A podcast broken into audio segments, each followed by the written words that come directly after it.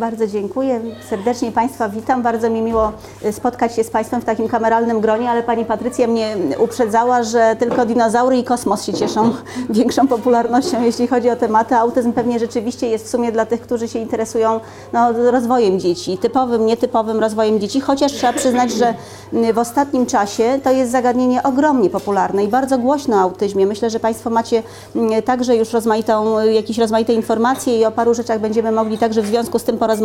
Pozwólcie Państwo, że ja zacznę od y, historycznych takich y, faktów. Y, Wszystko się zaczęło od opisania zespołu, wówczas traktowanego jako taki pojedynczy zespół chorobowy przez Leo Kannera w 1943 roku. Minęło więc 70 lat. To jest 70 lat gromadzenia wiedzy na temat autyzmu u dzieci.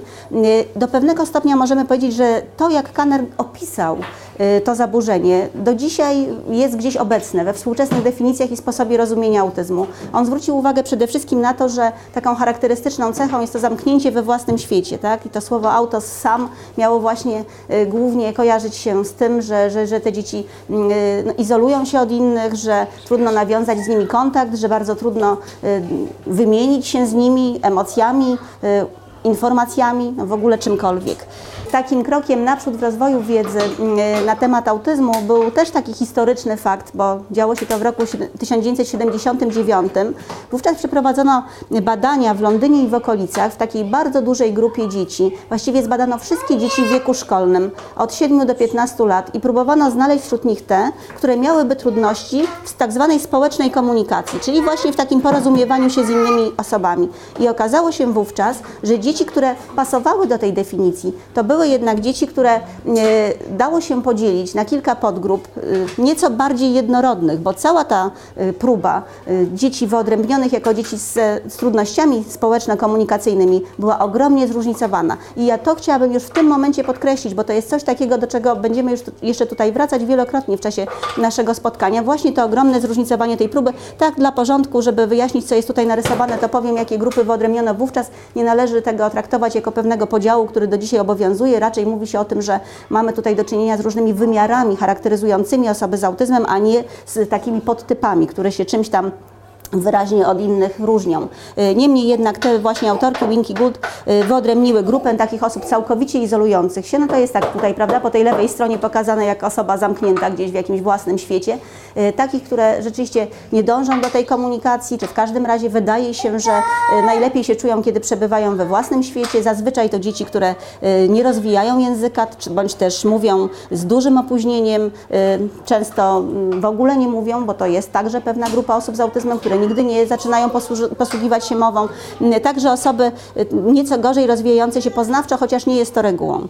Y, Druga grupa osoby bierne, pasywne, takie dzieci, które się podporządkowują, ale same nie dążą do kontaktu. Tych jest w tej mm, y, całej populacji osób z autyzmem y, relatywnie mało. I trzecia grupa, wówczas w czasach badania WINK y, niewielka, a dzisiaj coraz większa, nastąpiło takie wyraźne przesunięcie uwagi, to osoby, które tutaj zostały nazwane dziwacznymi, takimi aktywnymi, ale w specyficzny sposób, bo to były osoby z autyzmem, które dążyły do tego, żeby wejść w kontakt z innymi ludźmi. Poszukiwały okazji do tego, nawiązywały y, y, dialog, no, właściwie źle powiedziałam chyba, bowiem właśnie y, problem polegał na tym, że nie były zdolne do tego, żeby wejść w taki prawdziwy dialog i na przykład ten kontakt z inną osobą to tak naprawdę było monologowanie na temat y, mniej y, interesujący dla osoby z autyzmem, dla dziecka, no w tym wypadku, bo, bo mowa tu o dzieciach. Powiem Państwu od razu przy- taki przykład, który zawsze mi przychodzi do głowy w tym właśnie miejscu. Jest w Warszawie, w tej chwili już jest dorosły mężczyzna, ale w czasie, kiedy był y, no, takim starszym nastolatkiem, jeździł na zajęcia terapeutyczne, ojciec woził go na te zajęcia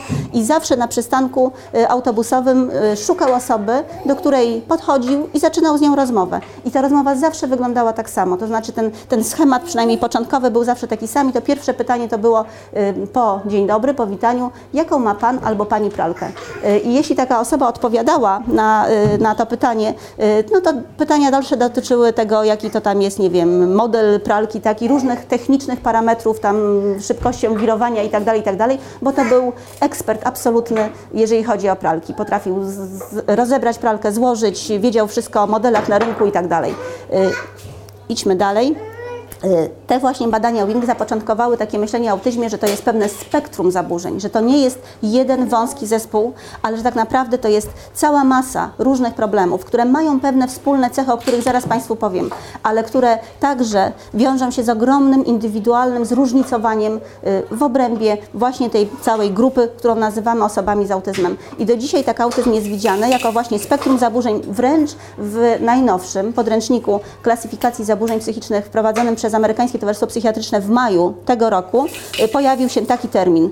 Autystyczne spektrum zaburzeń. Nie będzie y, innej etykiety diagnostycznej przez pewnie parę lat najbliższych, tam właśnie w Ameryce, tylko taka. U nas w Europie obowiązuje klasyfikacja Światowej Organizacji Zdrowia ICD-10. Tam mamy autyzm dziecięcy i inne zaburzenia jeszcze w tej grupie, y, ale też wszystko wskazuje na to, że y, nastąpi przesunięcie, nastąpi zmiana właśnie w stronę używania terminu autystyczne spektrum zaburzeń, bo on się wydaje znacznie bardziej odpowiadać temu, o co chodzi. No i teraz jeszcze mm, z tych takich porządkujących spraw, dzisiaj mówimy, że ze spektrum autyzmu to są zaburzenia neurorozwojowe. Bardzo bym to chciała podkreślić, bo za chwilę opowiem Państwu coś y, też z przeszłości, że nie zawsze tak autyzm widziano. W tej chwili właściwie, y, no można powiedzieć, że z wyjątkiem, nie wiem, może kilku procent specjalistów, którzy gdzieś tam są zakorzenieni bardziej w takim y, ujęciu autyzmu, y, no głównie są to psychoanalitycy, w takim psychogennym ujęciu autyzmu, to cała reszta jest przekonana, że nieprawidłowy rozwój, czy też nietypowy, może tak powiedzmy, nietypowy, specyficzny rozwój mózgu dziecka, do tej pory nie do końca poznany, absolutnie, to też będziemy tutaj mieli jeszcze sobie okazję o tym powiedzieć, y, jest przyczyną tego, że, y, że dziecko przejawia ten właśnie nietypowy, charakterystyczny wzorzec rozwojowy, który nazywamy autyzmem. Y, I może to też jest bardzo ważne, są trzy obszary, w których te trudności rozwojowe muszą się ujawnić, żeby diagnoza autyzmu została postawiona. To są interakcje społeczne, czyli takie ograniczone zdolności, znacznie ograniczone zdolności, to trzeba podkreślić, do tego, żeby wchodzić w relacje z innymi osobami, y, trudności w komunikowaniu się, zarówno na poziomie werbalnych, jak niewerbalnych komunikatów i tak zwane ograniczone wzorce zachowania, zainteresowań, aktywności, czyli sztywność, brak elastyczności w funkcjonowaniu, takie trudności w przełączeniu się na inne zadanie, y, w zmianie rytuałów, rutyn, taka potrzeba tego, żeby wszystko przebiegało tak samo, żeby był porządek. Y, To są rzeczy, o których, o każdym z tych punktów moglibyśmy tutaj rozmawiać bardzo, bardzo długo, bo na temat hipotez, które się kryją za wyjaśnieniem, próbą wyjaśnienia, y, z czego te symptomy się biorą, no można by bardzo wiele powiedzieć. Niektóre rzeczy pewnie tutaj sobie powiemy, ale zacznijmy od takiej sprawy. Przez bardzo wiele lat sądzono, że takim najbardziej typowym elementem dla autyzmu, najbardziej charakterystycznym jest dążenie do samotności. Kanner, ten, ten właśnie mm, e, pierwszy psychiatra, który opisał autyzm, uważał, że e, to jest to coś, co różni dzieci z autyzmem od innych. E, Właściwie przez kilkadziesiąt lat e, to był taki główny, e, wówczas nie było jeszcze kryteriów diagnostycznych tak precyzyjnie sformułowanych w, właśnie w takich mm, systemach klasyfikacyjnych. Stosowano listy kryteriów i to był jeden z głównych elementów diagnozowania autyzmu. I teraz o kilka słów na temat innych mm, danych w tym obszarze chciałam Państwu powiedzieć, zanim przejdziemy do tych malutkich dzieci i, i, i oznak autyzmu. Wydaje się w kontekście badań nad tak zwanymi wysoko funkcjonującymi osobami z autyzmu, to może ten termin warto też wprowadzić, żebyście Państwo mm, y, wiedzieli o kim mowa, bo we wszystkich pracach i także takich mm, potocznych jakby różnych informacjach mm, popularyzujących wiedzę, może tak powinnam powiedzieć, można, mogą się pojawić te rozróżnienia, że mówimy o wysoko funkcjonujących osobach z autyzmem, no i pozostałych, często określanych jako nisko funkcjonujące. Tak naprawdę jedyny, y, jedyne kryterium tego podziału to jest kryterium związane z poziomem rozwoju intelektualnego, czyli o wysoko funkcjonujących mówi się wtedy, kiedy są to dzieci czy starsze osoby, które, których rozwój umysłowy przebiega no, zgodnie z normami intelektualnymi. Jeżeli mamy do czynienia z osobami z niepełnosprawnością intelektualną, to mówimy o nisko funkcjonujących osobach z autyzmem. Y, y, Te dane, o których tutaj mówię, pochodzą właściwie wyłącznie od wysoko funkcjonujących osób z autyzmem i to jest pewien w ogóle y, problem w badaniach nad autyzmem, że ta duża grupa osób z niepełnosprawnością intelektualną i autyzmem jest znacznie słabiej poznana, no ale też możliwości ich poznania są znacznie bardziej ograniczone. W każdym razie,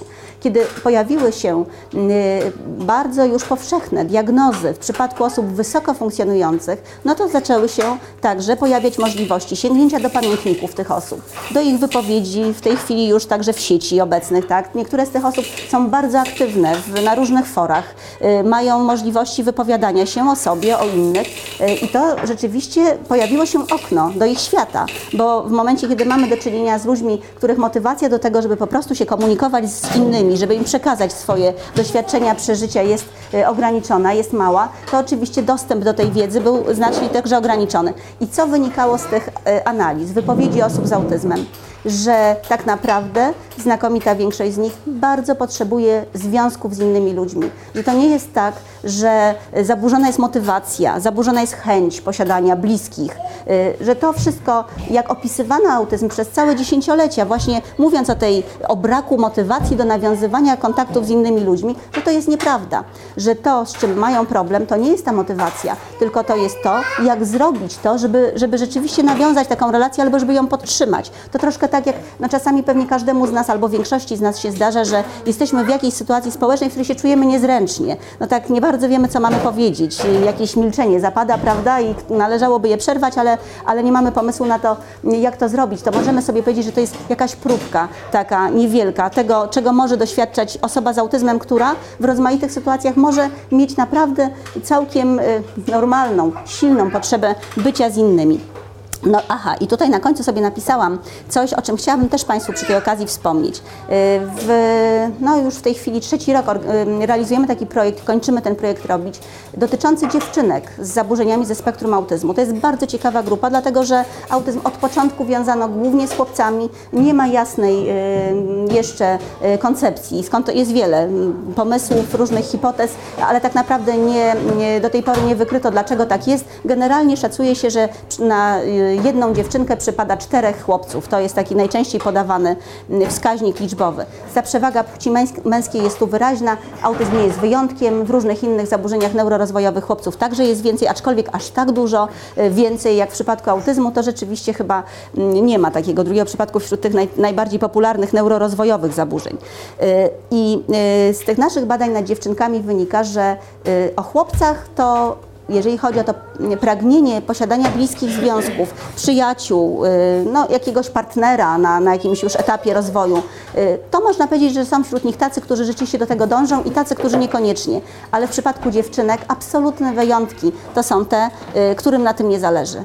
To jest wręcz, no, robi to ogromne wrażenie, kiedy ma się do czynienia z osobą, która jest tak niezgrabna i niezręczna w sytuacjach społecznych i która ma tak dużą potrzebę tego, żeby mieć przyjaciół i żeby właśnie wchodzić w jakieś bliskie relacje. I tutaj jeszcze jedna rzecz, którą też chciałabym, ja nie wiem, jeżeli to będzie Państwa interesowało i taki jest zwyczaj, bo tego nie jestem pewna, to ja mogę przekazać Pani Patrycjo tę y, prezentację potem, bo tutaj są też y, niektóre jakieś adresy, z których być może Państwo moglibyście skorzystać. Na przykład y, zapisałam tutaj, że jest taki program y, realizowany, taki projekt realizowany przez Stowarzyszenie Inicjatyw Społecznych, z którym współpracuję, Wolontariat Koleżeński y, Mary i Max. To jest taki pomysł programu dla y, nastolatków z zaburzeniami ze spektrum autyzmu, którzy no, dostają jakby na, na pewien czas, bo program trwa ileś tam miesięcy, kolegę. Jest określona akcja prowadzona, nie będę wchodzić tutaj w szczegóły, ale tymi kolegami są wolontariusze, młodzież ze szkół średnich, przygotowana do tej, do tej relacji, do tego kontaktu y, i spędzają razem czas po prostu. To dostają wsparcie duże, także to nie jest tak, że są rzuceni na głęboką wodę i niech teraz robią co chcą. Oczywiście jest selekcja tego programu, więc nie wszystkie osoby tam są przyjmowane, są pewne ograniczenia, prawda? Jest jasne, że osoby, które na przykład no, są bardzo niespokojne, autoagresywne, czy takie z taką skłonnością do tego, żeby, żeby także do, w stosunku do innych przejawiać jakąś agresję, no nie są włączani do tego, takie osoby nie są włączane do tego programu, y, ale generalnie generalnie była pierwsza edycja, teraz szykuje się druga i pierwsza była fantastycznym sukcesem, bo się okazało, że nie tylko, że y, z 15 par tylko jedna nie dotrwała do końca. No było 7 miesięcy spotkań, które były czasami tak regularne, że to było po parę razy w tygodniu ci ludzie się spotykali ze sobą. Ale na dodatek po zakończeniu takim formalnym było pożegnanie, zakończenie projektu. Oni nadal się spotykają, co jest w ogóle największym sukcesem w tym wszystkim. I jeszcze na marginesie dodam tylko tyle, że są takie kraje, na przykład Wielka Brytania, gdzie wolontariat koleżeński jest w ogóle super rozwinięty. To jest jest w ogóle rzeczywiście bardzo szeroki pion wspierania osób z zaburzeniami ze spektrum autyzmu, ale pewnie także osób z innymi problemami. Znowu, żeby jeszcze tak dopełnić ten kawałek, to powiedzmy sobie o tym, że y, przez wiele lat, począwszy od tej pracy Kanera, uważano, że jakiś wpływ na to, że dziecko ma autyzm, mają rodzice. I tak sobie pomyślałam, że jeśli przychodzę do Państwa właśnie tutaj, gdzie, gdzie przede wszystkim rodzice będą w tym spotkaniu uczestniczyli, to warto też yy, no po raz kolejny, bo o tym mówimy dużo i piszemy dużo, ale ciągle ta wiedza gdzieś istnieje, yy, powiedzieć jak to jest w kontekście badań naukowych. Yy, I może tak, najpierw, rodzice mają poczucie, że ich dzieci są z nimi związane na poziomie emocjonalnym. Tutaj jest przykład takiej wypowiedzi y, mamy, która właśnie mówi o tym, jak, jak jej dziecko okazuje jej uczucie, ale to też nam troszkę pokazuje, że, że no dla, dla matki jest po prostu szalenie ważne to, żeby taki sygnał dostawać i ona y, interpretuje tak, pewnie wszystkie interpretujemy zachowania swoich dzieci w tej konwencji właśnie, tak, jako oznakę jakichś emocji kierowanych do nas, jaki, y, wyraz jakichś uczuć. Y, jak to jest w kategoriach tego, co właśnie w badaniach naukowych? Zacznijmy jednak przez chwilkę y, od tego, od czego się to wszystko zaczęło. No, bardzo złą robotę zrobił Bruno Bettelheim, psycholog, y, psychoanalityk, chociaż psychoanalitycy twierdzą, że nigdy nie został tam do końca, nie przeszedł całego tego procesu yy, uczenia się psychoanalizy, nie był terapeutą psychoanalitycznym wykwalifikowanym. Y, Bettelheim y, z taką bardzo ciekawą, złożoną własną historią, do o której tutaj nie mamy czasu, żeby opowiadać, y, napisał pracę osobach z autyzmem, zresztą no, kilka, między innymi taką książkę Pusta Forteca, gdzie napisał, że autyzm można mieć tylko wtedy, jeżeli się doświadczy skrajnego emocjonalnego odrzucenia y, przez matkę. On pisał niby o rodzicach, ale w zasadzie pisał w większości miejsc w swojej książce pisał y, o matce. To były czasy, warto sobie to uświadomić, kiedy to było, bo to było bardzo dawno temu, no, biorąc pod uwagę w ogóle historię badań nad autyzmem. Lata 50., jeszcze y, początek lat 60. poprzedniego wieku. A mimo wszystko, mimo że tyle lat minęło i że się bardzo wiele zmieniło w tym obszarze i że ja przed chwilą powiedziałam Państwu, że autyzm to zaburzenie neurorozwojowe, to ciągle gdzieś trwają y, jakieś takie przetrwałe poglądy, które wypływają, mają korzenie właśnie w tamtym sposobie myślenia o autyzmie. Y, Wówczas mówiono o tym, że matki są przeintelektualizowane, że są zimne. Y, Taka metafora matek y, zamrażarek była bardzo popularna, czyli osób, które nie są zdolne do wejścia w emocjonalny, dobry kontakt ze swoimi dziećmi i w ten sposób je uszkadzają. Y, I od razu tutaj no bardzo, bardzo to jest ważne, myślę, żebyśmy to takimi dużymi literami też sobie głośno powiedzieli, że, że wyniki badań absolutnie tego nie potwierdzają. Y, Jest bardzo wiele badań prowadzonych w ciągu ostatnich 50 lat nad tym właśnie, jakie są relacje emocjonalne rodziców z dziećmi z autyzmem, y, jak rodzice spostrzegają swoje dzieci, co się w tej relacji dzieje i mnóstwo różnych informacji zebrano, na podstawie których absolutnie nie da się znaleźć niczego, co by uzasadniało te tezy Bettelheima, no i, i tezy, które w tamtym czasie y, nie mamy też czasu na to, żeby opowiadać sobie, więc tylko na marginesie zaznaczę, że autyzm tu nie był wyjątkiem. Po prostu wówczas wiedza na temat takich biologicznych przyczyn zaburzeń neurorozwojowych była ograniczona, w związku z czym szukano tego, no co wydawało się takie obiektywnie łatwe do znalezienia, stąd tego rodzaju mm, tezy się pojawiały w odniesieniu do bardzo wielu problemów rozwojowych. Autyzm traktowano jako zaburzenie emocjonalne. No i teraz przechodzimy do tych już takich bardziej współczesnych danych i może zacznijmy od takiej informacji. Yy, przerażające jest tempo, w jakim rośnie liczba osób z diagnozą zaburzeń ze spektrum autyzmu.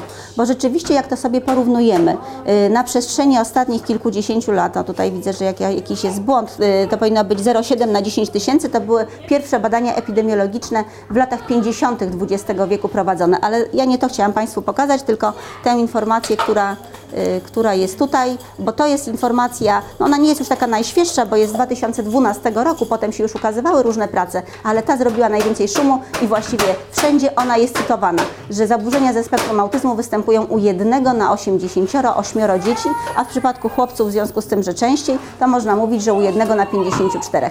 I ja tutaj przed naszym spotkaniem dzisiaj miałam okazję y, przysłuchać się wymianie, y, y, roz, rozmowie pań, y, które y, mówiły o tym, że któraś z pań powiedziała, że nie zna dziecka y, z autyzmem. Y, I to kiedyś to było w ogóle, y, no nikt nie znał. To, to były tak rzadkie przypadki, kiedy zaczynałam badania nad autyzmem i w ogóle zajmowanie się dziećmi z autyzmem, to były to naprawdę rzadkie sytuacje, kiedy w grupie psychologów, pedagogów ktoś y, znał dziecko z autyzmem. W tej chwili y, znaleźć osobę w, mającą taką profesję, która by nigdy nie spotkała dziecka z autyzmem jest po prostu bardzo trudno. Niesamowita jest to rzecz zupełnie. Dlaczego tak się dzieje, tego nikt nie wie i tutaj jest kilka y, możliwych przyczyn tego stanu rzeczy. Pierwsza jest taka, że lepsza jest wykrywalność autyzmu. W znaczeniu takim na przykład, że prowadzone są badania przesiewowe. Także w Polsce te badania się zaczynają. Nie, nie jest u nas tak, jak na przykład w Islandii, no ale to jest mały kraj, tak? Mały kraj, mało ludzi, tam oni sobie mogą na to pozwolić. Oni mają w wieku lat czterech każde dziecko zbadane pod kątem zaburzeń ze spektrum autyzmu. I niektórzy mogliby powiedzieć, no to może niepotrzebnie, no skoro jedno na 88, to po co tych 87 jest badanych pod kątem autyzmu? Ale to są badania przesiewowe, bardzo krótkie, bardzo płytkie, no mamy ileś tych wskaźników takich wstępnych już wypracowanych i można by było takie badania u nas też prowadzić, nie na poziomie 4 lat, ja zaraz Państwu powiem, na kiedy to miałoby szczególnie duży sens. W każdym razie nie ulega wątpliwości, ja myślę, że Państwo mm, też być może się stykacie z taką wiedzą, że powstają placówki diagnozujące dzieci z autyzmem, że, że tych placówek jest coraz więcej, więc na tym przykładzie chociażby można dostrzec, że y, uzyskanie tej diagnozy jest coraz łatwiejsze. Y, Nadal jest tak, że w wielu placówkach się bardzo długo czeka diagnozujących dzieci z autyzmem. Nadal jest tak, że masa miejsc w Polsce jest całkowicie pozbawionych miejscowości, y, całkowicie pozbawionych szansy na to, że małe dziecko zostanie zdiagnozowane czy trafi szybko do specjalisty. Ale w tak dużym mieście jak na przykład Warszawa, placówek, które prowadzą diagnozę jest dużo. Prowadzą diagnozę, prowadzą wczesną interwencję dla dzieci z autyzmem, to potem pewnie o tym jeszcze porozmawiamy, jeśli to Państwa będzie szczególnie interesowało. Bardzo ważnym czynnikiem jest to, że rośnie y, świadomość tego, że autyzm y, się zdarza, tak, że, że dziecko może go mieć, że rośnie ta wiedza i że ona rośnie wśród rodziców. Ja myślę, że to jest najważniejsze, bo przecież to rodzice zapoczątkowują ten proces. To bardzo rzadko się zdarza nadal, co jest w ogóle wielkim problemem, że to pediatra kieruje dziecko, malutkie dziecko, rzeczywiście takie, które nie ukończyło jeszcze dwóch lat, bo to by nas najbardziej interesowało, do badania pod kątem autyzmu, bo coś go zaniepokoiło. On widzi dziecko tak krótko, że on prawie na to nie ma żadnej szansy, tak, żeby coś tam ważnego wyłapać.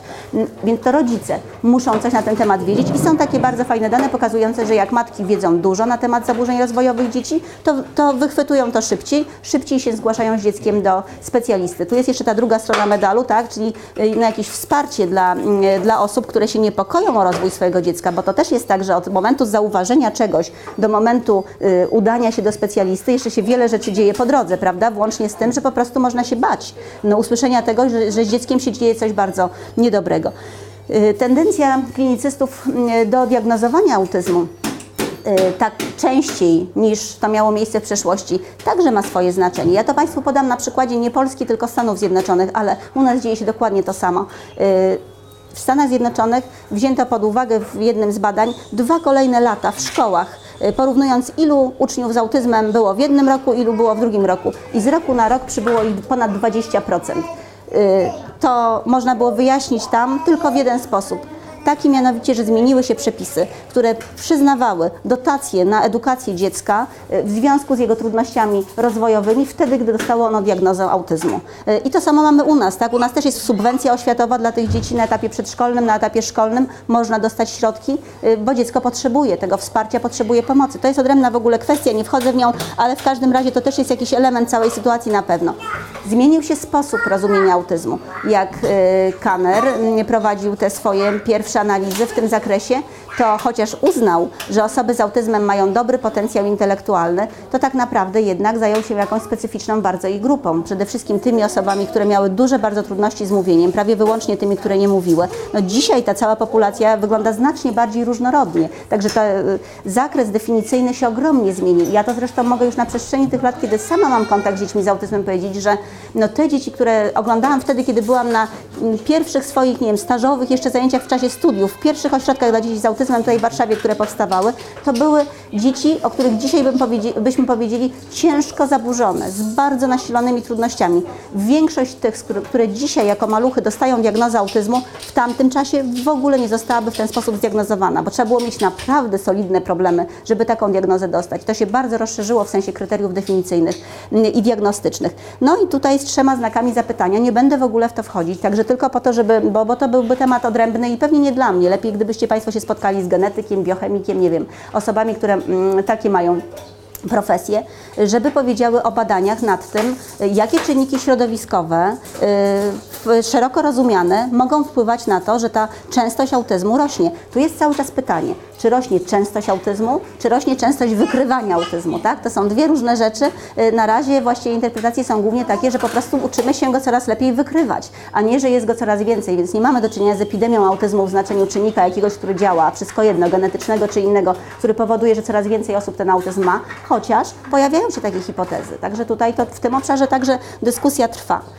No i teraz przechodzimy do wczesnego dzieciństwa, bo już Kanner mm, zauważył to właśnie, że autyzm prawdopodobnie jest wrodzony, y, że przychodząc na świat dziecko jest wyposażone w jakiś specyficzny sposób, y, być może uwarunkowany genetycznie, on na ten temat nie mówił nic, y, ale taki właśnie, który potem może przybrać postać już pełnych objawów autyzmu. I teraz na tym chciałabym się skupić, ale jeszcze zanim przejdziemy do tych pierwszych objawów w znaczeniu właśnie takim behawioralnym, to chciałam Państwu powiedzieć o dwóch o dwóch badaniach, które w ostatnim czasie, nie takim znowu najświeższym, ale, ale myślę, że warto jednak o nich właśnie powiedzieć, były przykładami chyba najgłośniejszych prób poszukiwania y, y, takich biologicznych wskaźników autyzmu, bo tego się szuka, tak? To, co się robi w tej chwili w różnych bardzo dziedzinach nauki, to poszukiwanie tych najwcześniejszych wskaźników. Najlepiej jakby się udało znaleźć biologiczne jakieś, tak? Gdyby test genetyczny pozwolił wykryć autyzm, gdyby jakiś biochemiczny pozwolił wykryć autyzm,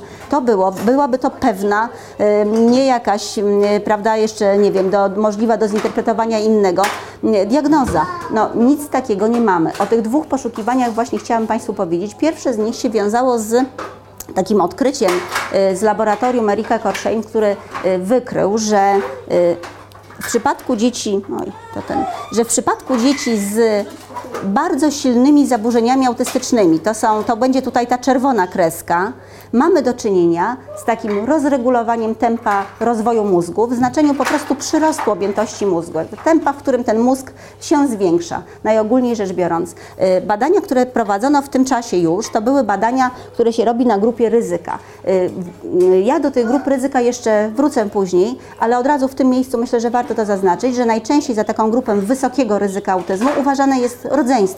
Y, dziecka, które już ma diagnozę autyzmu, bo rzeczywiście z badań wynika tych współczesnych, że być może aż 30% dzieci z diagnozą zaburzeń ze spektrum autyzmu także zdiagnozowane zostanie zaburzenie ze spektrum autyzmu. To jest bardzo wysoki wskaźnik. On znowu w ostatnich latach szalenie urósł. Mówiono przez bardzo wiele lat to nie przekraczało 9%. Też było wysoko, no ale jednak było znacznie niżej. Teraz te 30% to jest zaskakująca w ogóle liczba, no ale ten wzrost rozpoznawalności pewnie tutaj za tym się kryje. No i teraz posłuchajcie Państwo, jak to było. Czyli były dzieci z grupy ryzyka.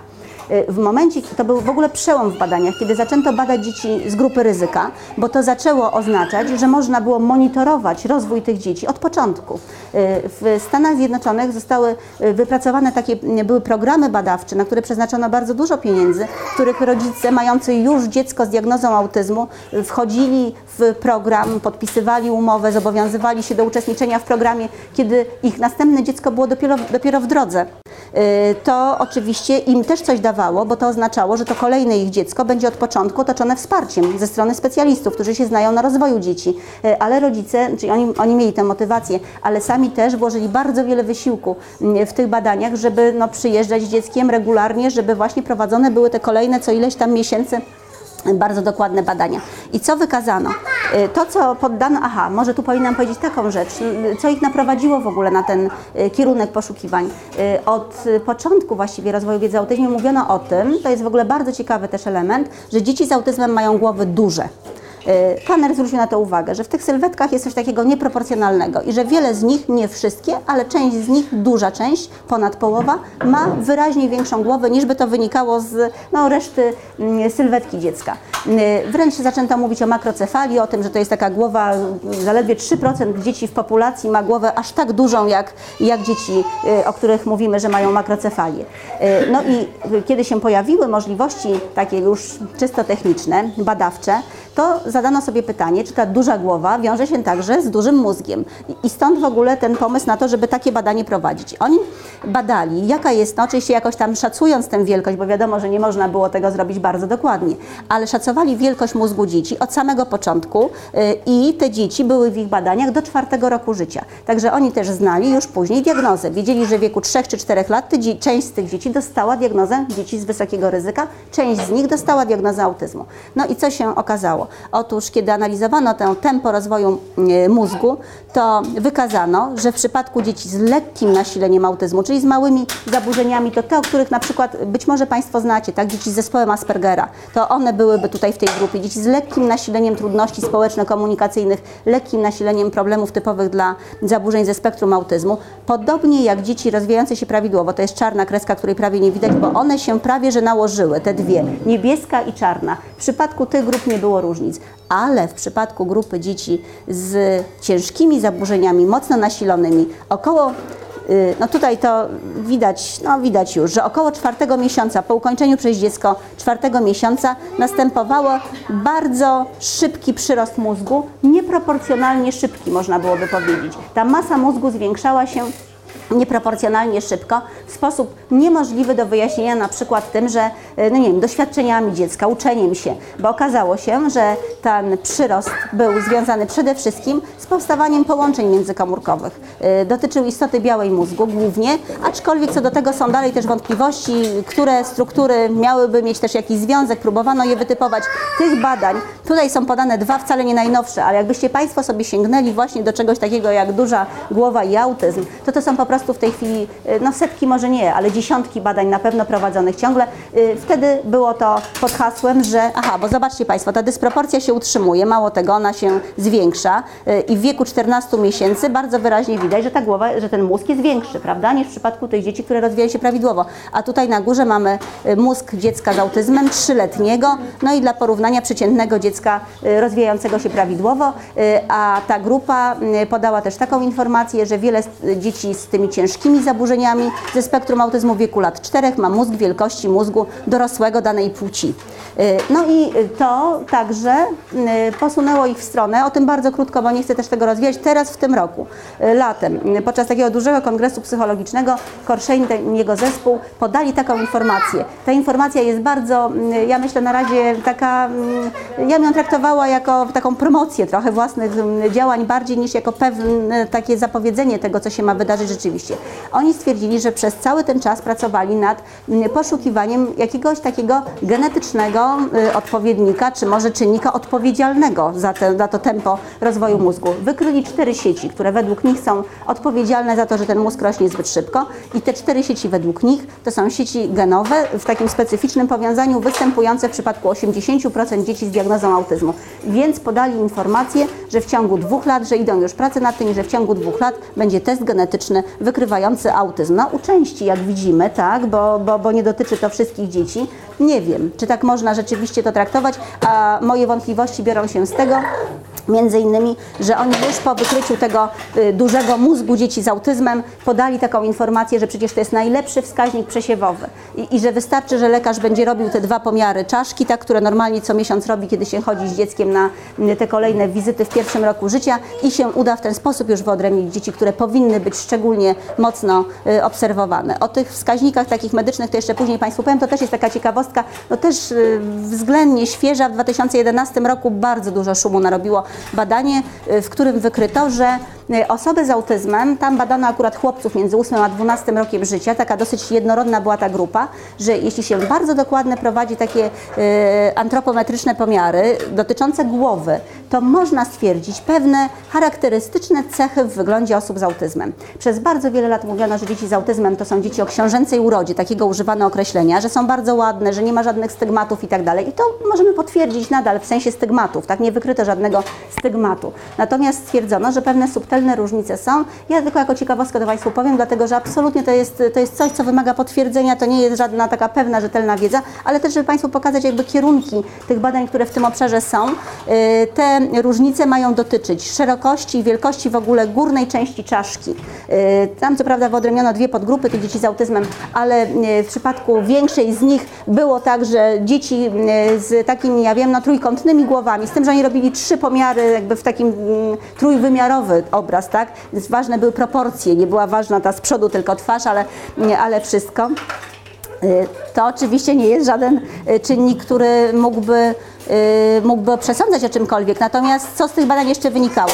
Wielkość tej górnej części głowy i wielkość czoła, szeroki rozstaw oczu, niewielka, krótka część środka twarzy między oczyma a wargą I tutaj, o tym chyba było najwięcej, taka spłaszczona bruzda, ta, która jest tutaj e, między nosem a ustami, jakby rozciągnięta bez tego wyraźnego takiego rowka. No i wiele późniejszych analiz, czy to się potwierdza, czy nie potwierdza, w części się potwierdza, w części się nie potwierdza. No byłoby oczywiście super, jakby takie proste biologiczne wskaźniki. Natomiast to dało początek, to dało początek znowu nowej, nowemu obszarowi badań genetycznych, bo wyodrębnia się dzieci z takimi specyficznymi y, cechami y, wyglądów wśród dzieci z autyzmem i poszukuje się wśród nich jako grupy bardziej jednorodnej jakichś czynników, które mogą o tym coś mówić. No i teraz przechodzimy do takich behawioralnych wskaźników y, autyzmu, y, rodzice najczęściej zaczynają się martwić właśnie w kategoriach autyzmu o to, co dzieje się z dzieckiem w drugim roku życia, najczęściej w pierwszej połowie tego drugiego roku życia. I dlaczego tak późno można by powiedzieć, albo, albo dlaczego akurat w tym czasie? Y, chyba tak naprawdę to moglibyśmy powiedzieć tak, to nie do końca tak jest, że wtedy zaczynają się dopiero martwić. Wcześniej już różne rzeczy im nie, nie grają, wydaje im się, że coś jest nie tak w tym rozwoju. Natomiast dopiero ten moment, kiedy dziecko y, ma taki ten obiektywny bardzo wskaźnik, polegający na tym, że nie mówi, bo znakomita większość dzieci z autyzmem nie mówi na czas, czyli nie używa tych pierwszych słów w wieku 12 miesięcy, to jest ten moment, kiedy no, rodzice z utęsknieniem czekają na ten sygnał normalności rozwoju dziecka. Jeśli on nie następuje, to, y, to napięcie w nich narasta. Rzeczywiście to, z czym rodzice się najczęściej zwracają do specjalisty z pewnym opóźnieniem zresztą, dotyczy mowy. To jest w ogóle hasło, z którym rodzice przychodzą, rodzice dzieci z autyzmem do specjalisty. To zresztą jest na spotkaniach dla psychologów, dla y, osób, które zajmują się wczesnym rozwojem dziecka. Bardzo się to y, podkreśla, ponieważ y, warto, żeby oni mieli taki, takie poczucie, że no, tutaj jest jakaś grupa ryzyka, prawda? Ważna grupa ryzyka, którą, którą trzeba szczególnie jakoś dobrze się zająć. Więc to jest komunikowanie, to są oczywiście relacje społeczne, czyli takie poczucie, że dziecko no, nie do końca odpowiada tak, jakby się chciało. Ale zobaczcie Państwo, to te relacje społeczne to jest coś szalenie takiego. Nie, trudno to sprecyzować, na czym obawa polega. Mało tego, to przecież jest tak, że y, przyznajemy sobie wszyscy prawo do tego, żeby się różnić w tym zakresie. I mówimy, że jeżeli ktoś nie jest wylewny, nie jest taki otwarty albo nie dąży do tego kontaktu, no to ma taki temperament. Jeżeli to jest chłopiec zwłaszcza, to w ogóle go się nie rusza. Jeżeli on tam siedzi sobie gdzieś i, i buduje z klocków, jest zafascynowany tymi klockami i, i widać, że świetnie sobie z tym radzi, to nie oczekuje się od niego y, czasami aż tak bardzo tego, żeby ten kontakt społeczny mm, rzeczywiście nawiązywał. To, co tutaj jest pokazane, to jest ta trzecia rzecz, która rodziców niepokoi, czyli zabawa, która w przypadku tych małych dzieci z autyzmem bardzo często wygląda tak, że jest ona szalenie schematyczna. No te samochodziki tutaj mogłyby być czymkolwiek innym, o zaraz Państwu pokażę. Chociaż to jest akurat mm, mm, zdjęcie pochodzące y, z y, takich zbiorów mamy czterolatka, więc to czteroletnie dziecko w ten sposób się bawi. To jest jego najlepsza zabawa.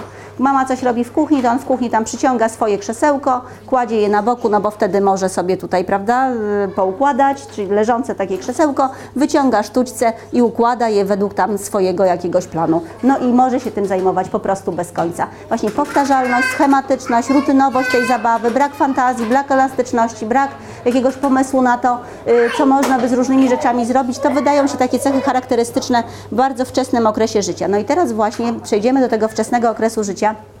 I tak, y, o wczesnej diagnozie autyzmu dzisiaj mówimy wtedy, kiedy ona ma miejsce w drugim roku życia. Przed ukończeniem przez dziecko 18 miesięcy, no najdalej 24 miesięcy, Y, ale bardzo chcę podkreślić taką rzecz, bo moglibyście Państwo powiedzieć, dlaczego nie wcześniej, ale y, ja starałam się to powiedzieć Państwu mówiąc o tym, że nie ma tych biologicznych wykrytych wskaźników. Jeżeli nie ma biologicznych, jeżeli my się y, opieramy na obserwacji zachowania dziecka, to to zawsze jest coś, co jest no, obarczone ogromnym błędem subiektywizmu w ocenie, prawda? Y, Tem, tego, że tempo rozwoju jest jednak bardzo zróżnicowane, że właśnie temperament wpływa na to, jak dziecko y, swoje różne zachowania prezentuje. No mówiąc krótko, to jest tak, że jeśli nie mamy tych mocnych, twardych, biologicznych wskaźników autyzmu, to te, które mamy, są takie, że jeżeli próbujemy wcześniej autyzm zdiagnozować, to bardzo często się mylimy.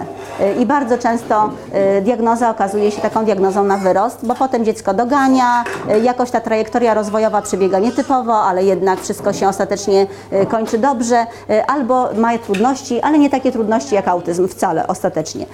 Natomiast te diagnozy, które są formułowane najwcześniejsze, między 15 a 18 miesiącem życia, to są diagnozy, które w 80% przypadków są trafne. Czyli nadal 20% dzieci dostanie inną po pewnym czasie. Tak? Za dwa lata będzie miało inną diagnozę, ale w przypadku 80% w tym wieku zdiagnozowanych diagnoza zostanie podtrzymana. To to jest no, już przyzwoity wskaźnik trafności, który uważa się za y, wystarczająco już uzasadniający takie badania w tym okresie. I teraz chciałabym najwcześniej przejść, jak tylko można, jeżeli chodzi o taką wiedzę, którą już jakoś tutaj dysponujemy, do takich wskaźników tak zwanych prediagnostycznych, tylko bardzo mocno chciała podkreślić, że absolutnie żadna z tych, żaden z tych problemów, o których będę mówić, czy z tych nietypowości w rozwoju dzieci, nie wystarcza do tego, żeby można było dziecko zakwalifikować jako dziecko y, no, od razu takie, które należy natychmiast prawda, skierować do diagnozy pod kątem autyzmu. Niemniej jednak, jeżeli mówimy o pierwszym półroczu życia i te trzy trudności będą występowały łącznie, to na pewno jest to argument, żeby udać się z dzieckiem do specjalisty zajmującego się rozwojem małych dzieci. Yy, jakie to są problemy? No tutaj widzimy akurat to zdjęcie dotyczy tam trzymiesięcznego dziecka, ale też wiemy o tym, że właściwie są takie dane w badaniach naukowych, że twarz ludzka to jest bodziec, interesujący bodziec, no pewnie zestaw bodźców interesujący dla dzieci właściwie zaraz po urodzeniu. Są takie dane, które pokazują, że noworodki w dobrej formie y, fizycznej y, interesują się ludzką twarzą bardziej niż przedmiotami. Tak samo jak reagują intensywniej na ludzki głos niż na jakieś mechaniczne dźwięki. Przychodzimy na świat wyposażeni do tego, żeby y, wchodzić w relacje społeczne, to nie ulega wątpliwości. Y, Twarz jest bardzo ważnym zbiorem informacji. Y, To, że mamy pewnie jakoś ewolucyjnie wypracowane takie właśnie zdolności do tego, żeby skupiać uwagę na twarzy, żeby śledzić tę twarz, żeby jej się przyglądać, to jest ogromnie ważny mechanizm w naszym rozwoju społecznym. Jeżeli on jest zaburzony na tym wczesnym okresie, w tym wczesnym okresie w taki właśnie sposób, że dziecko nie interesuje się twarzą, ja zaraz do tego jeszcze wrócę, to to jest czynnik wysokiego ryzyka. Y, Nie interesuje się twarzą, czyli nie wpatruje się, tak? Od razu ucieka wzrokiem, błądzi tym wzrokiem gdziekolwiek indziej, ktoś tam nad nim się nachyla, y, ten kontakt próbuje nawiązać, ale dziecko patrzy gdzie indziej, przez moment tylko koncentruje wzrok. Brak synchronii emocjonalnej to jest kolejny wskaźnik. I tutaj y, y, chodzi o to, że między trzecim a czwartym miesiącem życia dziecka, takiego rozwijającego się typowo, mamy do czynienia z ogromnym postępem, jeżeli chodzi o zdolność odczytywania emocji i dostrojenia emocjonalnego. To świetnie widać na przykład w takim momencie, kiedy nad dzieckiem pochyla się ktoś. Przecież mm, to tak, wiecie Państwo, kiedy pojawia się uśmiech społeczny. No dziecko może uśmiecha się wcześniej, tak my interpretujemy też y, te grymasy mimiczne jako uśmiech, ale między trzecim a czwartym miesiącem ona wyraźnie się uśmiecha do innej osoby, patrząc jej w oczy i kierując ten uśmiech społecznie właśnie. Y, I to jest ten czas, kiedy potrafi się dostroić emocjonalnie. Podam Państwu też przykład takiego, takiego paradygmatu badawczego, bardzo ciekawego, dotyczącego y, czteromiesięcznych dzieci. To się nazywa mm, paradygmat kamiennej twarzy. I wygląda to tak, że nad dzieckiem pochyla się opiekun, osoba, którą to dziecko bardzo dobrze zna. Przez chwilę jest z nim takiej normalnej interakcji, przez minutę, no czyli uśmiechy, prawda, mówienie do dziecka, taka, taki pozytywny, pozytywny klimat. Po czym na minutę ta osoba y, jak gdyby zawiesza się, y, ma kamienną twarz, y, nie, ma, nie patrzy na dziecko ze złością, ale też się do niego nie uśmiecha, po prostu stara się nie wyrażać, nie okazywać żadnych emocji. Ta minuta dziecku czteromiesięcznemu wystarcza do tego, żeby się zdenerwować z tego powodu i żeby odczuwać dyskomfort. Czasami dzieci płaczą, czasami po prostu się kręcą, zaczynają tam pochrząkiwać, pomrukiwać. Wyraźnie im to nie odpowiada. Y, one już potrafią synchronizować emocjonalnie.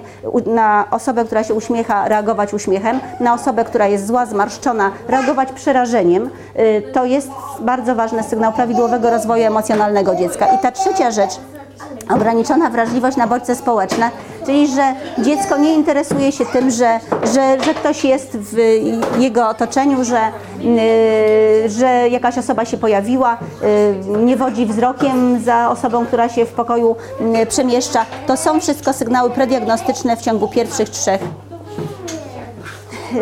po- pierwszych sześciu miesięcy życia. I teraz właśnie tutaj to zainteresowanie twarzą ludzką. To jest potężny obszar w badaniach, bardzo interesujących nad wczesnym y, wykrywaniem autyzmu. Y, Badania przy użyciu eye trackera, które pozwalają śledzić y, kierunek patrzenia dziecka, no tak najogólniej rzecz biorąc, i które są robione w odniesieniu do dzieci z autyzmem właściwie w przypadku wszystkich grup. To znaczy dzieci z grupy ryzyka są badane, czyli maluszki zupełne, będące rodzeństwem dziecka, dzieci z autyzmem, ale także dzieci kilkumiesięczne, dzieci kilkuletnie i dorośli również. I co w tych badaniach wykryto? Sprawa nie jest taka prosta jak to, o czym ja za chwilę Państwu powiem, bo oczywiście można to bardziej skomplikować, uzależniając, jaki rodzaj będzie tej stymulacji, jak, co będzie pokazywane. Ale to, co dla nas jest w tym momencie najważniejsze. Okazuje się, że kiedy e, badanie, badanie wygląda w taki sposób, że e, dziecko siedzi w foteliku, e, a naprzeciwko jest duży ekran, na którym to ekranie widzi twarz swojej mamy nagraną wcześniej, która patrzy na nie i mówi do niego, tak jak zwykle, ale w taki sposób no, próbuje zaangażować jego uwagę, tak? Tutaj wyraźnie widać jak ta mama, tak? Uśmiecha się i coś mówi do dziecka. To dziecko, które rozwija się typowo, no po pierwsze widać tę ekspresję mimiczną, tak? Że, że wyraźnie widać, że mu to odpowiada, że się cieszy po prostu widać, widząc twarz swojej mamy. Tu mamy w tym wypadku 12-miesięczne dziecko. Koncentruje wzrok przede wszystkim na jej oczach to ta niebieska kropka, która tu jest narysowana, to jest ta, ten obszar, w którym najwięcej czasu dziecko patrzyło. Y, tutaj macie Państwo ten czerwony wykres, na co patrzy dziecko z, no podejrzewane, bo ono jest jeszcze z grupy ryzyka, mając 12 miesięcy, ale dziecko później zdiagnozowane jako dziecko z autyzmem. Ono koncentruje się swój wzrok na tym, co się w tej twarzy rusza przede wszystkim, czyli koncentruje go na ustach, patrzy na tę część. Właściwie y, od czasu do czasu jego wzrok idzie w stronę oczu, ale to nie jest główny obszar jego zainteresowania. Fajne są wyniki badań na dorosłych bądź starszych dzieciach, które pokazują, że Osoby z autyzmem oglądają film y, i na przykład świetnie się do tego nadają takie filmy, y, jakieś, nie wiem, takie y, słodkie, no jakieś takie byle jakie, nudne, których większość osób pewnie nie ogląda, gdzie ludzie dużo mówią, gestykulują. W ten sposób wygląda scena. I okazuje się, że osoby z autyzmem na przykład koncentrują wzrok na stopach osób, które się poruszają, chociaż one akurat mówią jakieś bardzo ważne rzeczy, bardzo emocjonalne, i takie, że ich twarze są ogromnie ważne i że tak naprawdę na twarze należałoby patrzeć, a nie na to, że one coś robią, y, ruszają jakoś y, rękami, czy też robią coś z nogami. To jest bardzo ważny kawałek wiedzy, zwłaszcza w odniesieniu do małych dzieci, bo on pokazuje, że małe dziecko zagrożone autyzmem ma bardzo niewiele doświadczeń związanych z odbieraniem i odczytywaniem bodźców przekazywanych za pośrednictwem oczu, a to jest w naszym rozwoju społecznym ogromnie ważne. I teraz kolejna rzecz, o której chciałam Państwu powiedzieć, także bardzo ważna, dotyczy braku reakcji na własne imię. Y, to, te badania tutaj, o których y, wspominam, to są takie badania, gdzie nagrywano w warunkach domowych, nagrywane były dzieci przy okazji pierwszych urodzin, a potem dwa lata później badacze poprosili rodziny dzieci z autyzmem o to, żeby takie nagrania gdzieś tam odszukały w swoich domowych archiwach i przyniosły, udostępniły do badań. Wybrano kilkanaście takich nagrań, gdzie były bardzo wyraźnie widoczne twarze dzieci i w ogóle zachowanie dzieci. I wymieszano je z nagraniami rocznych dzieci, które rozwijały się prawidłowo. Eksperci nie mieli w ogóle problemów, żeby wybrać te dzieci, które według nich są zagrożone autyzmem y, i jednym z, z y, takich czynników, które brali pod uwagę był brak reakcji na własne imię do dzisiaj uważa się, że już w przypadku dzieci, bo to się zaczyna y, y, no, traktować jako pewien wskaźnik rozwojowy u dzieci 6-miesięcznych, reakcje na własne imię, a w przypadku dzieci 8-miesięcznych y, mówi się o tym, że ma to duże znaczenie, jeżeli dziecko tego rodzaju zachowania nie przejawia. Tutaj macie to Państwo znowu w przypadku rocznego dziecka. Roczne dziecko dostaje jakąś ciekawą zabawkę. Ona sobie ogląda to, to, to coś i w tym czasie osoba badająca, bo tutaj jest mama dziecka, tutaj osoba badająca, tak trochę z boku, z tyłu woła je po imieniu. Y, dla znakomitej większości dzieci i właściwie niemalże bez wyjątku dzieci rozwijających się typowo, to jest bardzo silny bodziec. Taki bodziec społeczny ma bardzo wysoki, jak to się w tych badaniach opisuje, wysoki priorytet, ma wysokie znaczenie. Jest bardzo ważną informacją z otoczenia. Ktoś mnie woła. W przypadku dziecka z autyzmem, no podejrzewanego o autyzm, ten chłopiec akurat y, w tym materiale y, ma dwoje, y, dwóch starszych braci, u których już zdiagnozowano autyzm. On sam też dostał tę diagnozę później w czasie tego właśnie badania, pochłonięty absolutnie tym to, toczeniem tej zabawki przed sobą, trzykrotnie jest wołany przez badacza i ani razu się nie odwraca. To absolutnie nie jest informacja o tym, że nie rozumie, nie zna swojego imienia, tak? że go nie potrafi wyłowić z otoczenia w ogóle, Y, czy informacja o tym, że mm, y, nie jest tym tym w ogóle, do tego w ogóle zdolny. Tak naprawdę można tylko mówić o tym, że ta reakcja jest bardzo u dzieci zagrożonych autyzmem opóźniona. Jest jednym z lepszych wskaźników wczesnych autyzmu, bo ona pokazuje, że dziecko y, pochłonięte mnóstwem bodźców, które dopływają do niego z otoczenia, akurat tych bodźców społecznych nie wyodrębnia jako tych najważniejszych, ja to, to prawda, nie w kategoriach motywacji, chcenia, nie chcenia. Y, Pewnie coś mu w tym przeszkadza. Y, Na razie poszukuje się tej przyczyny. W każdym razie na pewno gdzieś w zaburzonym rozwoju uwagi u dzieci z autyzmem też problem leży. Y, I teraz może y, o tym jeszcze wa warto, żebym Państwu powiedziała. Za y, jedne z najwcześniejszych wskaźników autyzmu uważa się też trudności z tworzeniem wspólnego pola uwagi. Jest taki moment ważny w rozwoju dziecka, on oczywiście ma swoje jeszcze wcześniejsze etapy, ale od tego zacznijmy, kiedy dziecko bardzo wyraźnie wchodzi już w taką konkretną relację z inną osobą po to, żeby włączyć jeszcze w tę interakcję jakiś trzeci obiekt. Y, Czyli chodzi o taką triadyczną relację partner, no może dziecko, partner i jakiś przedmiot, jakiś coś, co jest ob- tym obiektem wspólnego zainteresowania. To to jest stworzenie wspólnego pola uwagi. U dzieci rozwijających się w sposób typowy, y, takim elementem składającym się na tę zdolność jest wskazywanie. Około 8-10 miesiąca życia każde dziecko zaczyna wskazywać. Y, Rodzice czasami sobie mm, żartują, że ich wykończy, bo, bo ciągle wyciąga palec i trzeba chodzić za tym, co dziecko pokazuje, no bo człowiek usiłuje reagować na to, prawda, w taki sposób, żeby jakoś podtrzymać tę chęć wejścia w kontakt dziecka. Y, Tutaj mamy przykład, bo bardzo ważne jest to, samo wystawienie palca nie wystarczy. Z punktu widzenia autyzmu i ryzyka autyzmu ogromnie ważne jest to, czy dziecko robiąc to szuka wzrokiem y, oczu osoby, której chce to pokazać. On nie musi tego zacząć od razu, tak? Najpierw pokazuje palcem, my to pewnie jakoś też rozwijamy, y, ale to jest ogromnie ważne, żeby te dwie rzeczy zostały połączone. Nie tylko pokazanie palcem, ale też spojrzenie, czy ten ktoś na pewno zobaczył to, że ja mu coś pokazuję. I, i wydaje się, że to jest jeden z najlepszych wczesnych mm, predyktorów autyzmu, który wykryto. Oczywiście też absolutnie niewystarczający, tak? Do tego, żeby już mówić o tym, że ten rozwój jest skazany na niepowodzenie i na ścieżkę, y, którą nazywamy autyzmem. Ale to jest ważne. Y, Tutaj mamy drugi aspekt tego samego. Czy dziecko potrafi podążać wzrokiem w kierunku, w którym ktoś inny patrzy, albo który ktoś inny mu pokazuje? Czyli czy jeżeli powiemy, o zobacz, tam jest lampa, tak, to czy dziecko tam popatrzy? Jeżeli tam popatrzy, ale potem popatrzy też na nas, no, no widzę, tak, no i co, tak, oczekując dalej, to, to, to super. To właściwie, tak jak ktoś kiedyś mnie bardzo, mm, tak chyba w sumie mądrze zapytał, ale bardzo mnie wtedy zaskoczył, co mogłoby zaprzeczyć w ogóle ryzyku autyzmu? To taki ojciec, którego, który dostał w przedszkolu informację, że być może jego dziecko ma zespół Aspergera i trzeba pod tym kątem to dziecko mm, obejrzeć, a on miał takie poczucie, że oni mają bardzo dobrą relację emocjonalną z dzieckiem i w ogóle jakby nie widział problemu.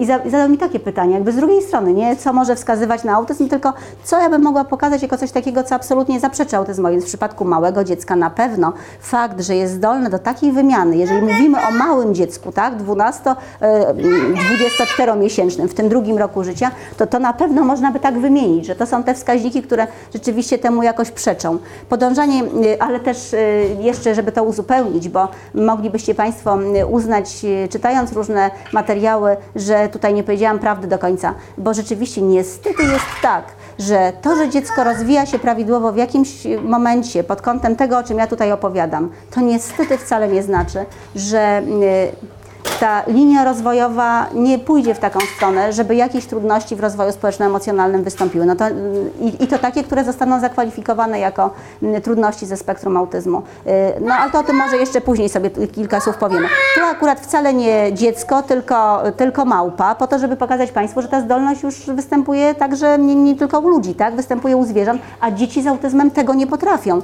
Y, Małpa, która widzi, że ta osoba patrzy w jakimś kierunku, więc ona też tam patrzy. Y, Nikogo nie trzeba przekonywać, że to ma znaczenie, prawda? Takie przystosowawcze. No jeżeli ktoś na coś patrzy, znaczy, że tam może coś być interesującego, ważnego, y, o czym trzeba po prostu wiedzieć. I tutaj mamy już taką najprawdziwszą relację triadyczną. Dziecko patrzy na zabawkę, patrzy w oczy osoby, która się tutaj z nim bawi i patrzy znowu na zabawkę. No jeżeli jest taki, taki jakby ciąg zdarzeń następuje, to mówimy o tym, że to dziecko y, potrafi tworzyć wspólne pole uwagi z inną osobą. To jest bardzo dobry prognostyk dla rozwoju językowego. Mało tego, to jest niezbędne, żeby następował rozwój językowy. W tej chwili zgodnie z naszą współczesną wiedzą nie można przeskoczyć tej fazy tworzenia wspólnego pola uwagi, a nauczyć się języka i mowy.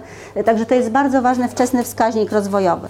No ale tutaj mamy kolejne w tym wczesnym okresie rozwoju zabawa społeczna. Tutaj mamy tego chłopczyka 12-miesięcznego, który był przed chwilą na tym innym zdjęciu, który jest tak pochłonięty przedmiotem, że w ogóle inna osoba wydaje mu się niepotrzebna do niczego. No i dla odmiany dziecko, które no wyraźnie widać, tak, no uśmiecha się za tej zasłonki, jeszcze nie jest na etapie, kiedy y, ma tak rozwiniętą zdolność wyobrażenia sobie tego, co dzieje się w umyśle innej osoby, żeby się tak całkowicie schować za tą zasłonką, prawda, ukryć się na dobre, y, ale jednocześnie w relacji społecznej już y, może uczestniczyć. I zabawa na niby, to jest taki ostatni element z tych, o których tu chciałam Państwu powiedzieć. Dlaczego ona tu jest wymieniona? Około 12 miesiąca życia dzieci zaczynają już dobrze mm, posługiwać się przedmiotami właśnie po to, żeby bawić się na niby. I dlaczego uważamy, że to jest dobry predyktor dla rozwoju społecznego? Bo zabawa na niby, wyobrażanie sobie wymaga tworzenia reprezentacji umysłowych. Yy, Stwierdzono w badaniach, że ma to bardzo ścisły związek ze zdolnością późniejszą tworzenia reprezentacji umysłowych odnoszących się do emocji, do takich stanów umysłu, których przecież nie widać. Ich nie można, prawda, zmierzyć, dotknąć.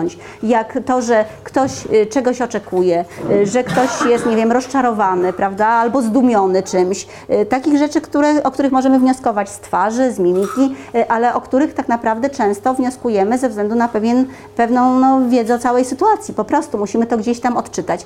Zabawa na niby jako wyraz zdolności do tworzenia reprezentacji umysłowych jest bardzo dobrym prognostykiem, że dziecko będzie także potrafiło tworzyć reprezentacje umysłowe odnoszące się do stanów umysłu właśnie i do stanów emocjonalnych.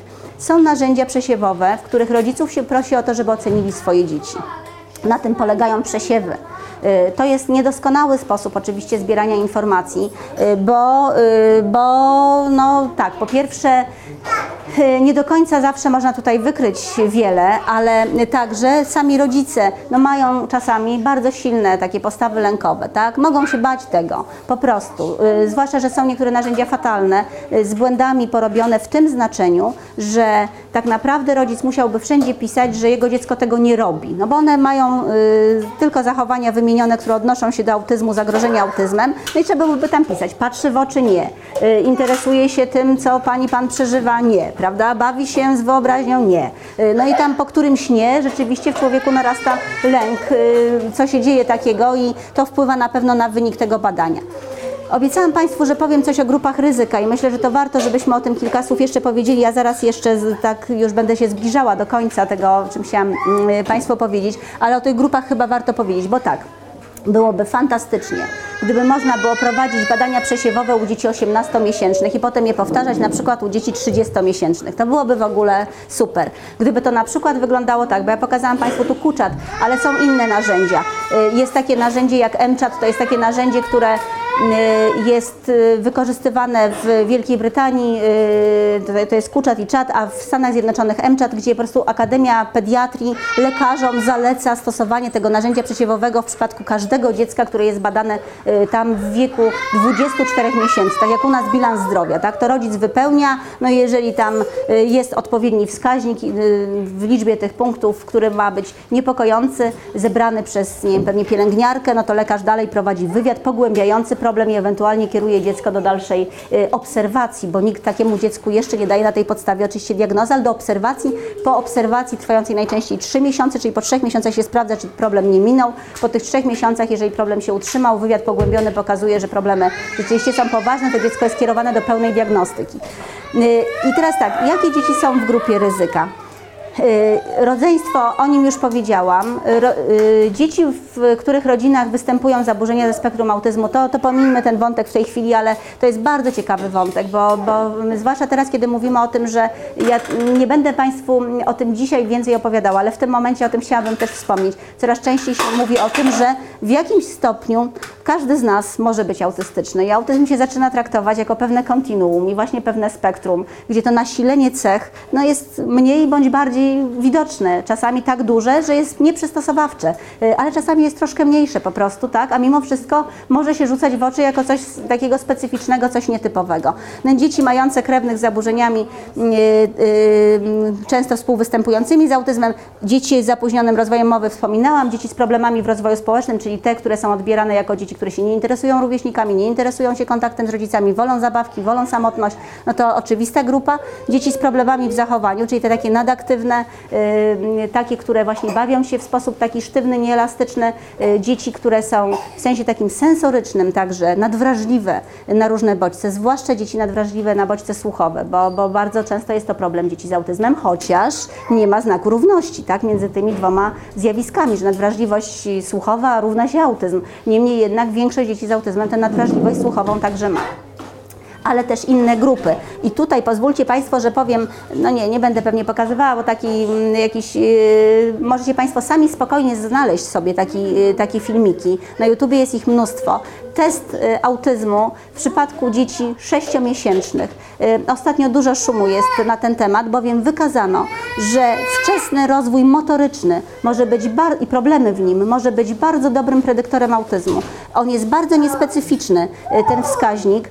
Chodzi o to, czy dziecko sześciomiesięczne, y, leżące i ciągnięte za rączki, y, podnosi razem ze swoim tułowiem, tak, w tym mu pomagamy, podnosi główkę, czyli czy utrzymuje główkę, czy ma tę kontrolę taką posturalną, tak? Jeżeli to potrafi zrobić, to, to to jest dobry wynik. Jeżeli tego nie potrafi zrobić, a już powinno w wieku 6 miesięcy, no jasne, że nie mówimy tu o dzieciach, nie wiem, z mózgowym porażeniem, tak, dziecięcym, czy z jakimiś problemami neurologicznymi, bo to, to jest oczywiste, że wtedy nie. Ale jeżeli tego nie potrafi, to traktuje się to jako ważny wskaźnik ryzyka z punktu widzenia autyzmu. Dlaczego? No nikt nie y, stworzył w tej chwili jeszcze koncepcji teoretycznej wiążącej te fakty jakoś bardzo dobrze. Natomiast mówi się o tym, że z badań wynika, że 80% dzieci, u których ten problem występował, wieku w, ma, mających 6 miesięcy, w wieku lat 3 dostało diagnozę zaburzeń ze spektrum autyzmu, czyli ten na zasadzie współwystępowania, ale też na zasadzie takiej, że pewnie tutaj rzeczywiście może to być wskaźnik taki neurorozwojowy, no różnych problemów, które także się y, u dziecka w tym czasie y, dzieją. Y, Dzieci matek, aha, właśnie, to jest też bardzo ciekawa grupa, wcześniaki. I są badania też takie bardzo no, jednoznaczne, pokazujące, że im mniejsze dziecko, im wcześniej urodzone, im większa im niższa ta waga urodzeniowa, tym wyższy procent tych, y, u których później diagnozowany jest po pewnym czasie autyzm. Y, Tutaj, tutaj są interpretacje, ja nie chcę w to wchodzić, bo one są jakby z innego obszaru, nie mojego obszaru badawczego ani, ani kompetencji, ale najczęściej mówi się o dysfunkcjach wątroby, czy też o niedojrzałości wątroby i y, bilirubinie jako takim czynniku, który po prostu uszkadza, zaburza rozwój mózgu w przypadku tych dzieci. To zostawmy, bo, ale, ale to jest naj, najczęstsza interpretacja, która się pojawi w odniesieniu do tej grupy. Dzieci matek z cukrzycą ciążową, dzieci matek z problemami tarczycy, y, to są kolejne grupy. I już ostatni tutaj y, slajd. Y, No byłoby fantastycznie, tak jak powiedziałam, gdyby były te przesiewy robione. U nas w wieku 18 miesięcy chyba nie mamy na co liczyć, bo 18 miesięcy mm, ktoś mi mówił, że teraz kalendarz szczepień został przesunięty. Nie wiem, czy Panie to potwierdzacie i że podobno 18-miesięczne dzieci są y, szczepione na coś, więc to być może byłaby okazja, żeby wtedy właśnie były przez pediatrów pod tym kątem, przynajmniej niektóre z nich, przynajmniej te z grupy ryzyka na przykład, tak, y, jakoś szczegółowo obejrzane. Y, monitorowanie rozwoju dzieci z grupy ryzyka jako szczególny problem, no i weryfikowanie zawsze y, obaw zgłaszanych przez rodziców, bo jest bardzo wiele badań, które pokazują, że obawy rodziców jednak zazwyczaj no, mają jakieś podstawy i że to, co jest normą niestety w funkcjonowaniu bardzo wielu lekarzy, pewnie innych specjalistów także, czyli że się odsyła tych rodziców i mówi się, że to trzeba poczekać, że są przewrażliwieni, że to chcieliby mieć geniusza, a, a dzieci rozwijają się różnie, to najczęściej są po prostu błędy w sztuce i, i nie powinno się tego tak lekceważyć. I to chyba tyle, bo, bo chciałam, żebyście Państwo jeszcze mieli mm, okazję do zadania jakichś pytań, także bardzo dziękuję.